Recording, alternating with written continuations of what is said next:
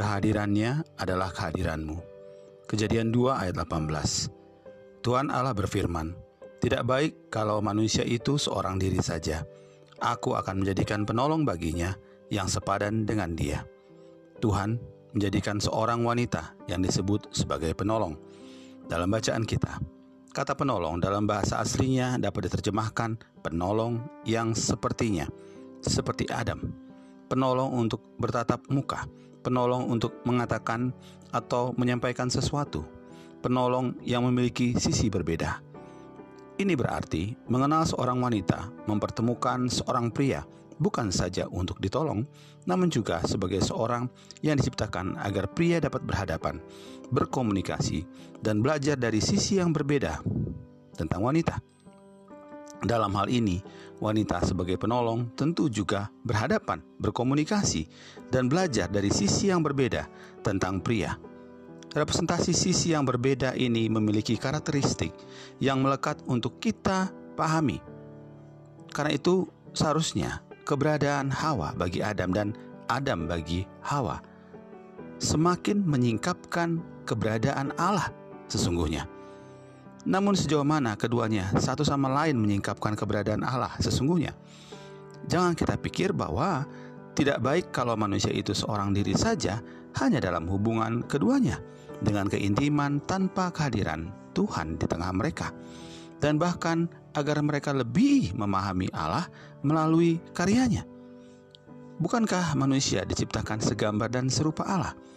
Cukup heran jika kita menemukan masalah gender, konflik, pertentangan, bahkan perceraian jika keduanya saling memandang satu dengan yang lainnya dalam citra Allah. Kecuali kita atau masing-masing pasangan pria maupun wanita tidak menyadari betapa pentingnya satu dengan yang lainnya.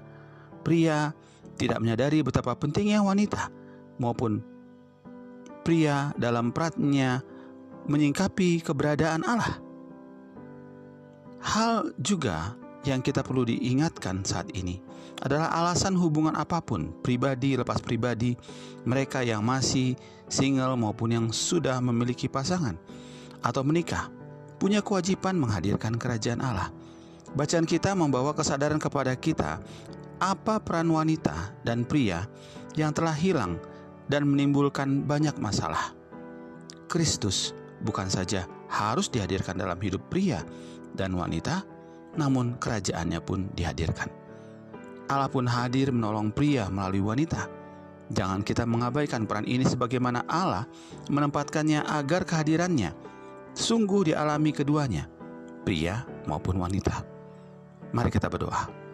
Bapa, ada banyak kesulitan dan pertentangan yang kami harus lalui. Karena kami hanya menekankan peran kami tanpa kehadiran Tuhan. Kalau kami memandang satu dengan yang lainnya, pria maupun wanita, malah kami melupakanmu. Jika pria ganteng dan wanita seksi, malahan kami membicarakannya.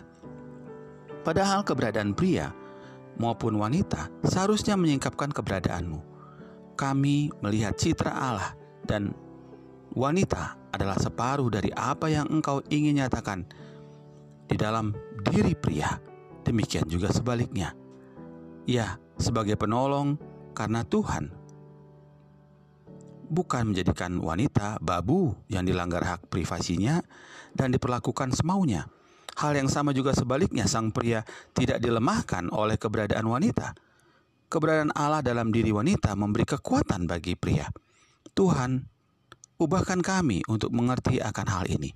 Ubah cara pandang kami untuk lebih menghormati kehadiran Allah melalui pasangan kami dan bukan melanggar firman-Mu saat kami seharusnya mengikuti perintah-Mu. Dalam nama Yesus Kristus. Amin.